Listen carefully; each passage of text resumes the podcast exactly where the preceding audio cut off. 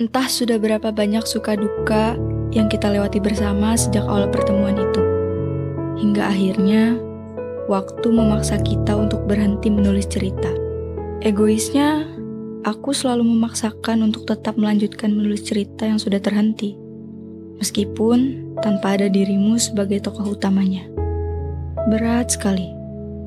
Sering terpikir olehku, entah akan jadi bagaimana ujung ceritanya. Karena tanpamu, kini semua cerita yang kutulis hanyalah tentangku, seorang diri. Tentang bagaimana riuhnya isi kepala ini. Tentang aku yang selalu ingin mendengar bagaimana kabarmu. Tentang betapa beratnya hari yang kulalui tanpa dirimu.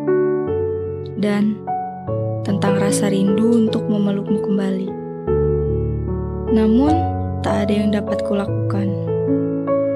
Kini, aku ingin kamu tahu, entah berapa banyak kalimat yang sudah aku tulis tanpa aku tahu kapan aku akan menemukan titik temunya. Aku rasa kini aku sudah lelah.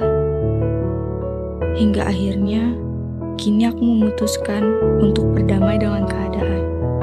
Karena sepertinya berdamai dengan keadaan itu tidak terlalu buruk.